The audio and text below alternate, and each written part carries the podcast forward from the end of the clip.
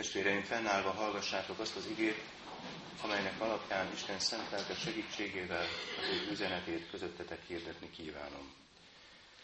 Az írva található Pálapostól első levelében a tesszalonikaiakhoz, ennek az ötödik részéből, a 16. verstől így szól hozzánk ma Isten igéje. Mindenkor örüljetek, szüntelenül imádkozzatok, mindenért hálát adjatok, mert ez az Isten akarata Jézus Krisztus által a ti javatokra. A lelket ne olcsátok ki, a profétálást ne vessétek meg, de mindent megvizsgáljatok, a jót megtartsátok, a gonosz minden fajtájától tartózkodjatok. Maga pedig a békesség Istene szentelje meg titeket teljesen, és őrizze meg a ti lelketeket, elméteket és testeteket teljes épségben, fedhetetlenül a mi Úrunk Jézus Krisztus eljövetelére. Hű az, aki elhív erre titeket, és ő meg is cselekszi azt.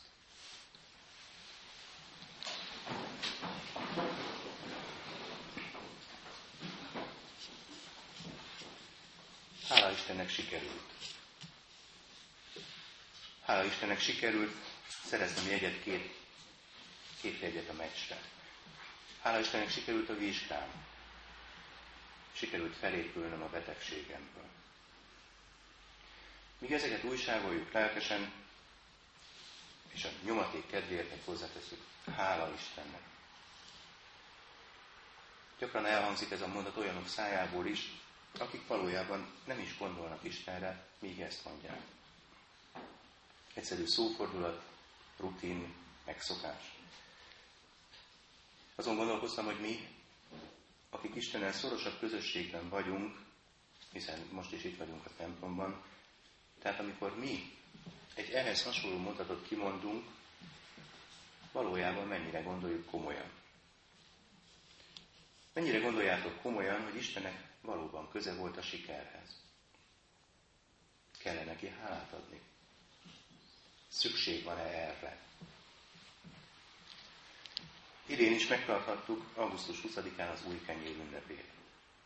Hálát adhattunk Istennek, hogy volt termés, hogy lesz kenyerünk idén télen is.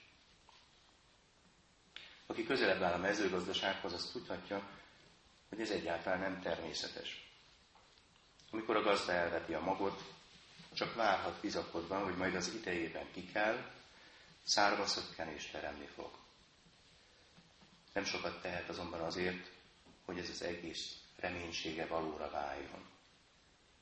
Hogy ne fagyjon el tavasszal, hogy ne verje el a jég, hogy ne döntse le a szélvihar közvetlenül aratás előtt. Talán a mezőgazdasággal foglalkozók tudják leginkább, hogy Isten közreműködése, Isten áldása nélkül minden igyekezetük hiába való. Kell-e Istennek hálát adni? Nézzük, mit találunk a hálaadásban a Szentírásban.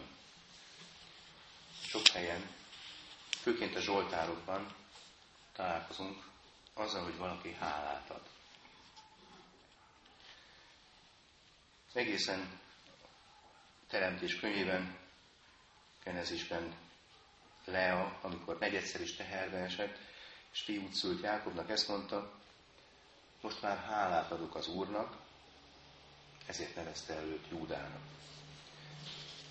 Hálát adott, mert ismét gyermeket szült, és belátta, hogy ez Isten áldása. Azon a napon, amikor Dávid Jeruzsálemben felállította a szent sátrat, és elhelyezte benne az úr ládáját, megvissza Ászápot és fiait, hogy magasztalják az urat. Adjatok hálát az úrnak, hívjátok segítségül nevét, Hirdessétek tetteit a népek között. Énekeljetek, zengjetek Zsoltárt neki. Emlegessétek minden csodáját. Dicsőítsétek szent nevét. Szívből örüljetek, akik keresik az Urat. Folyamodjatok az Úrhoz, az ő hatalmához, keressétek orcáját szüntelen. Emlékezzetek csodatetteire, amelyeket véghez vitt, csodáira és döntéseire. Adjatok hálát az Úrnak, mert jó, mert örökké tart szeretete. Az Ószövetségi időben a Szent Sátor bejáratánál, és majd később az elkészült templomban is a leviták feladata volt a zenélés és az éneklés vezetése. Minden reggel és esténként is ott állt egy csoport, egy kórus, akik hálát adtak Istennek. Miért? Mert jó, mert örökké tart szeretete. A krónikák könyve név szerint is felsorol néhányat közülük, és abban az időben tudjuk, 288-an voltak, akik énekekkel és hangszereken dicsőítették az Urat, hála éneket énekeltek naponta, hivatásból. Később, amikor Jósafát idejében ellenség támadt a népre, Isten profétája által megszabadulást ígért a népnek. És amikor kivonultak az ellenség elé, előállt Jósafát, és ezt mondta. Hallgassatok rám, Júda és Jeruzsálem lakói. Higgyetek Istenetekben az Úrban, és megmaradtok. Higgyetek profétájának, és boldogultok. Miután tanácsot tartott a néppel, fölállította az Úr énekeseit, akik szent öltözetben dicsérték őt, és az arcvonal előtt vonulva így énekeltek, adjatok hálát az Úrnak, mert örökké tart szeretete. Hálát adtak a majdani szabadításért. Fogalmuk sem volt róla, hogy hogyan fogja Isten megszabadítani őket. Éppen elég szorult helyzetben voltak, de bíztak Istenükben, és hálát adtak neki. Miért? Mert örökké tart szeretete.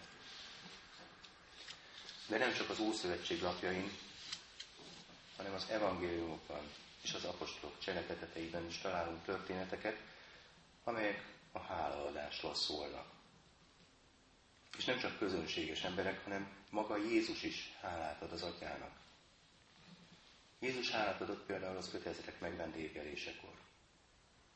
Jézus pedig vette a kenyeret, hálát adott, és kiosztotta az ott ülőknek. Ugyanúgy osztotta halakból is, amennyit kívánta. Vagy Lázár feltámasztásakor. Jézus pedig felemelte a tekintetét, és ezt mondta, Atyám, hálát adok neked, hogy meghallgattál. Én tudtam, hogy mindig meghallgatsz, csak a körülálló sokaság miatt mondtam, hogy elhiggyék, hogy te küldtél engem. És az utolsó vacsorakor is. Azután vette a poharat, hálát adott, és ezt mondta. Vegyétek és osszátok el magatok között. Mert mondom nektek, hogy nem iszom mostantól fogva a szőlő terméséből, amíg eljön az Isten országa. És vette a kenyeret, hálát adott, megtörte, és szavakkal, e szavakkal adta nekik, ez az én testem, amely ti életetek adatik. Ezt cselekedjétek az én emlékezetemre. Amikor a feltámadt Jézussal találkoztak a tanítványok, akkor is erről ismerték fel, ahogy hálát adott, és megtörte a kenyeret. Hálát adni, tehát teljesen felismerőhetően Jézusra utal. Jézusi.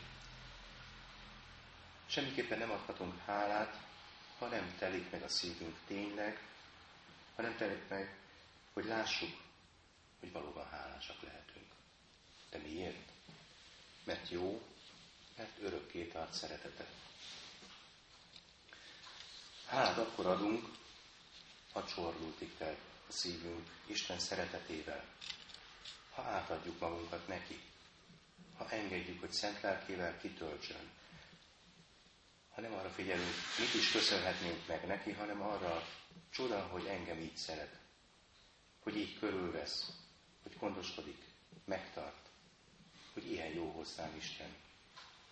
Előttem jár, elintézi, amit én soha se tudnék, megajándékoz, kiment, felemel. Ha minden reggelünk és esténk azzal telik, mint a templomhoz kiállított lévitáknak, hogy dicsérjük az Urat, mert jó, hogy hálát adjunk neki, mert szeret. Egyetlen fiát elküldte értem, mert szeret, és megváltotta a halálból, kimentett az életre. Ha ez az újongás van bennünk, hogy élek Krisztusban, megmenekültem, akkor megtelik a szívünk, és akkor tudunk hálát adni. Kinyílik a szemünk, és meglátjuk, hogy nem is kell keresgélnünk az okot, hiszen az Úr jó, és örökké tart a szeretete. Pál levelei és a többi levelek is általában így kezdődnek, mint például a Róma. Először is hálát adok az én Istenemnek, Jézus Krisztus által mindjáratokért. Aztán Pálaposan hálát ad a korintusi gyülekezetért is. Hálát adok értetek Istennek mindenkor azért a kegyelemért, amely nektek a Krisztus Jézusban adatot. Így ad hálát ezeknek a leveleknek az írója azért, mert Isten sokakat kiszabadított az életre. Milyen a mi hálaadáson? Egy kisgyerek, ha az anyukája játszás közben süteménnyel kínálja, odafut, elkap egyet a tálból, és már szalad is visszajátszani. Nem mondja, hogy köszönöm, mert természetes, hogy van anyukája, és van sütemény. Nem így vagyunk ez, ezzel mi is sokszor. Isten kínálja az áldásait, mi kikapunk magunknak egyet, és már pahanunk is tovább az életünk nyüzsgésébe. Legfeljebb mondunk egy rövid imádságot, köszi. De valójában meg vagyunk győződve arról, hogy jár nekünk mindaz, amit áldásként, ajándékként kapunk. Vagy el sem gondolkozunk a dolgon. Esetleg észre sem vesszük ezeket az ajándékokat. Gyakran elégedetlenek is vagyunk. hasonlítgatjuk, hogy másnak mennyivel jobb. Egy beszélgetésben valaki arról lelkendezett, hogy őt az Úr mennyire megáldotta.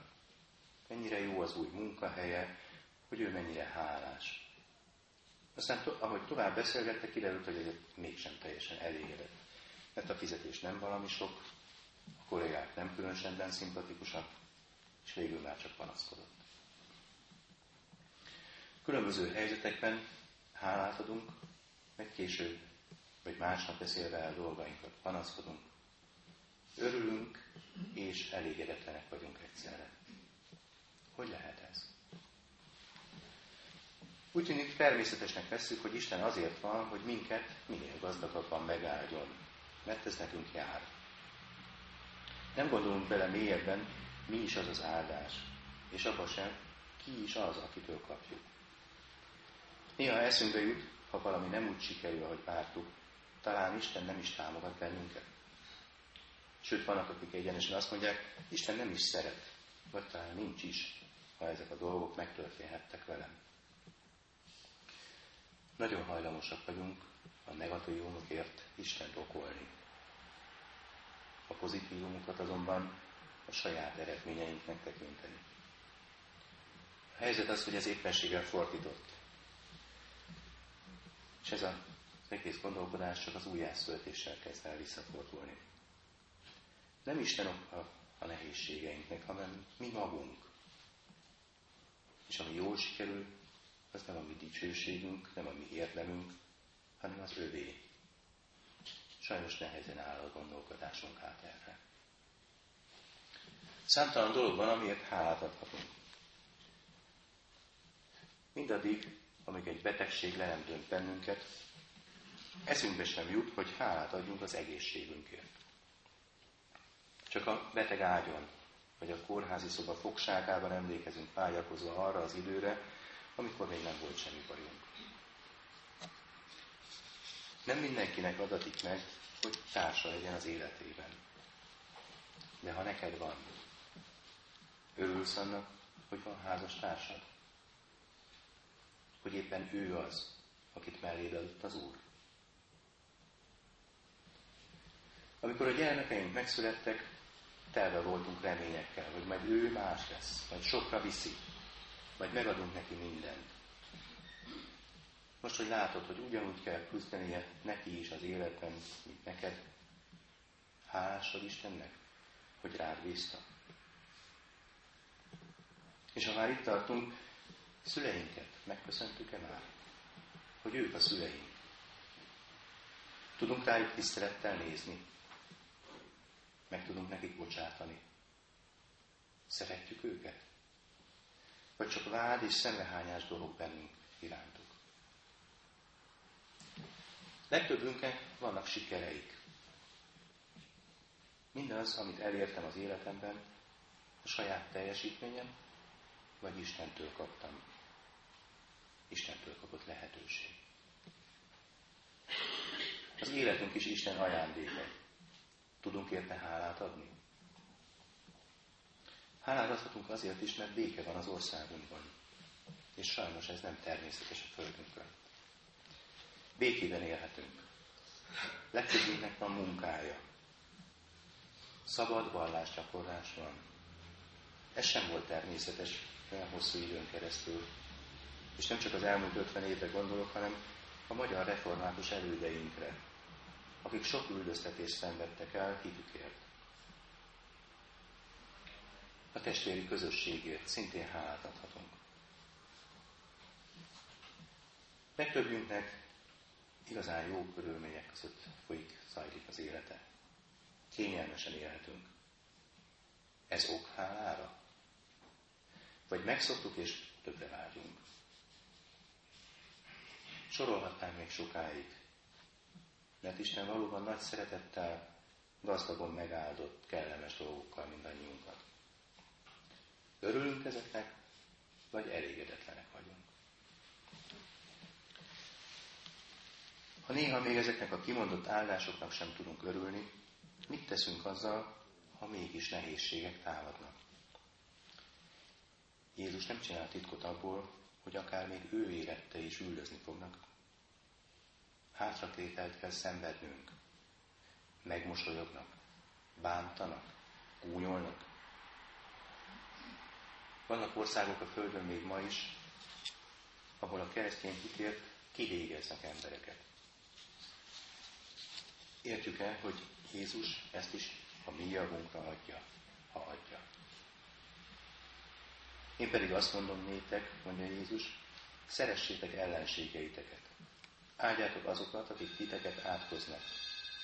Jót tegyetek azokkal, akik titeket gyűlölnek, és imádkozzatok azokért, akik háborgatnak és kergetnek titeket.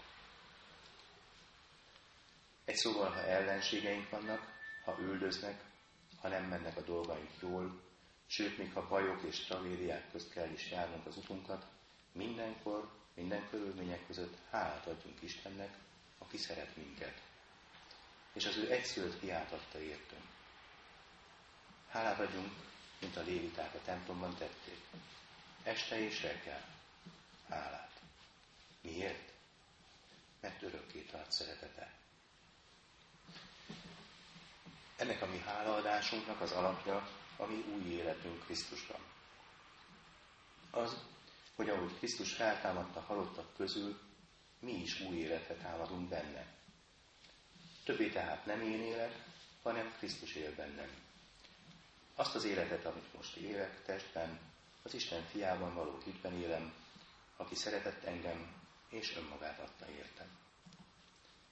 Ebben az új életben jöhetnek a próbatételek is.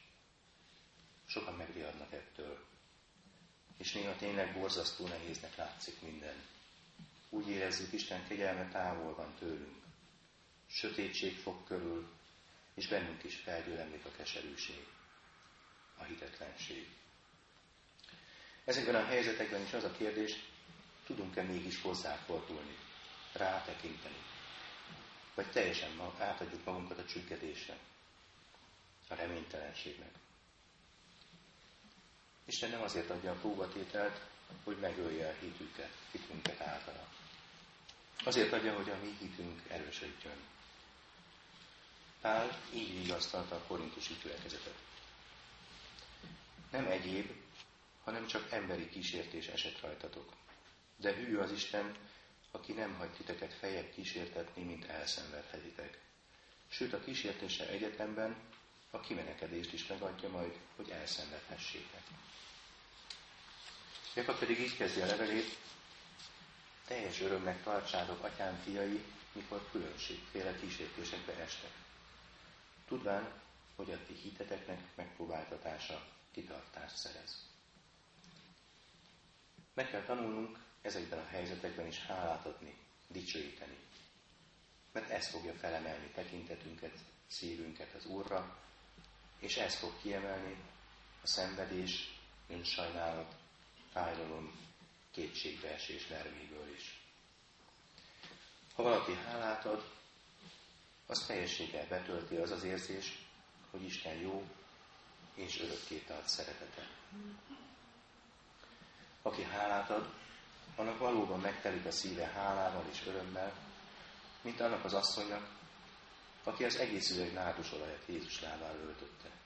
Így fejezte ki háláját a szabadításért.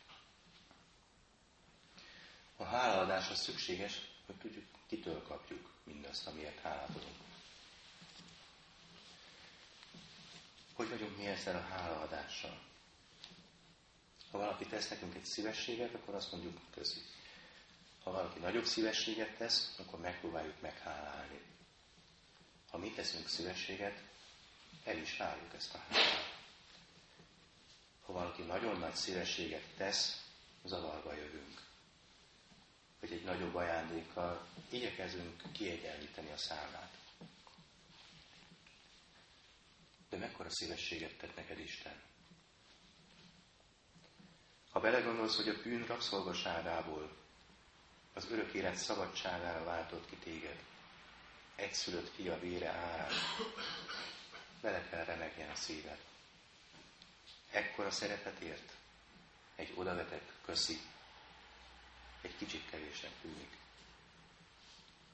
Ha átérzed, mekkora dolgot tett érted a világ teremtő ura, akkor megtelik a szíved az iránta érzett szeretettel, és ebből következik majd a hálaadásod is. Az a mindenben, mindenkor hálát adjatok. Ami már nem attól függ, szerinted éppen jó dolog történt-e veled, vagy rossz. Nem változik meg attól sem, hogy könnyen mennek a dolgaid, vagy nehezen. Hogy éppen sok pénz van a pénztárcádban, vagy kevés. Nem fog függeni semmitől, csak attól, hogy ő ránézel, és megtelik a szíved hálával iránta. Iránta, aki atyaként megteremtett, nevel és gondoskodik rólad, fiúként mellé áll és leveszi rólad bűnterhedet, ha hagyod, és szent lelke által kitölt saját szentségével, tisztaságával, örömével, szeretetével.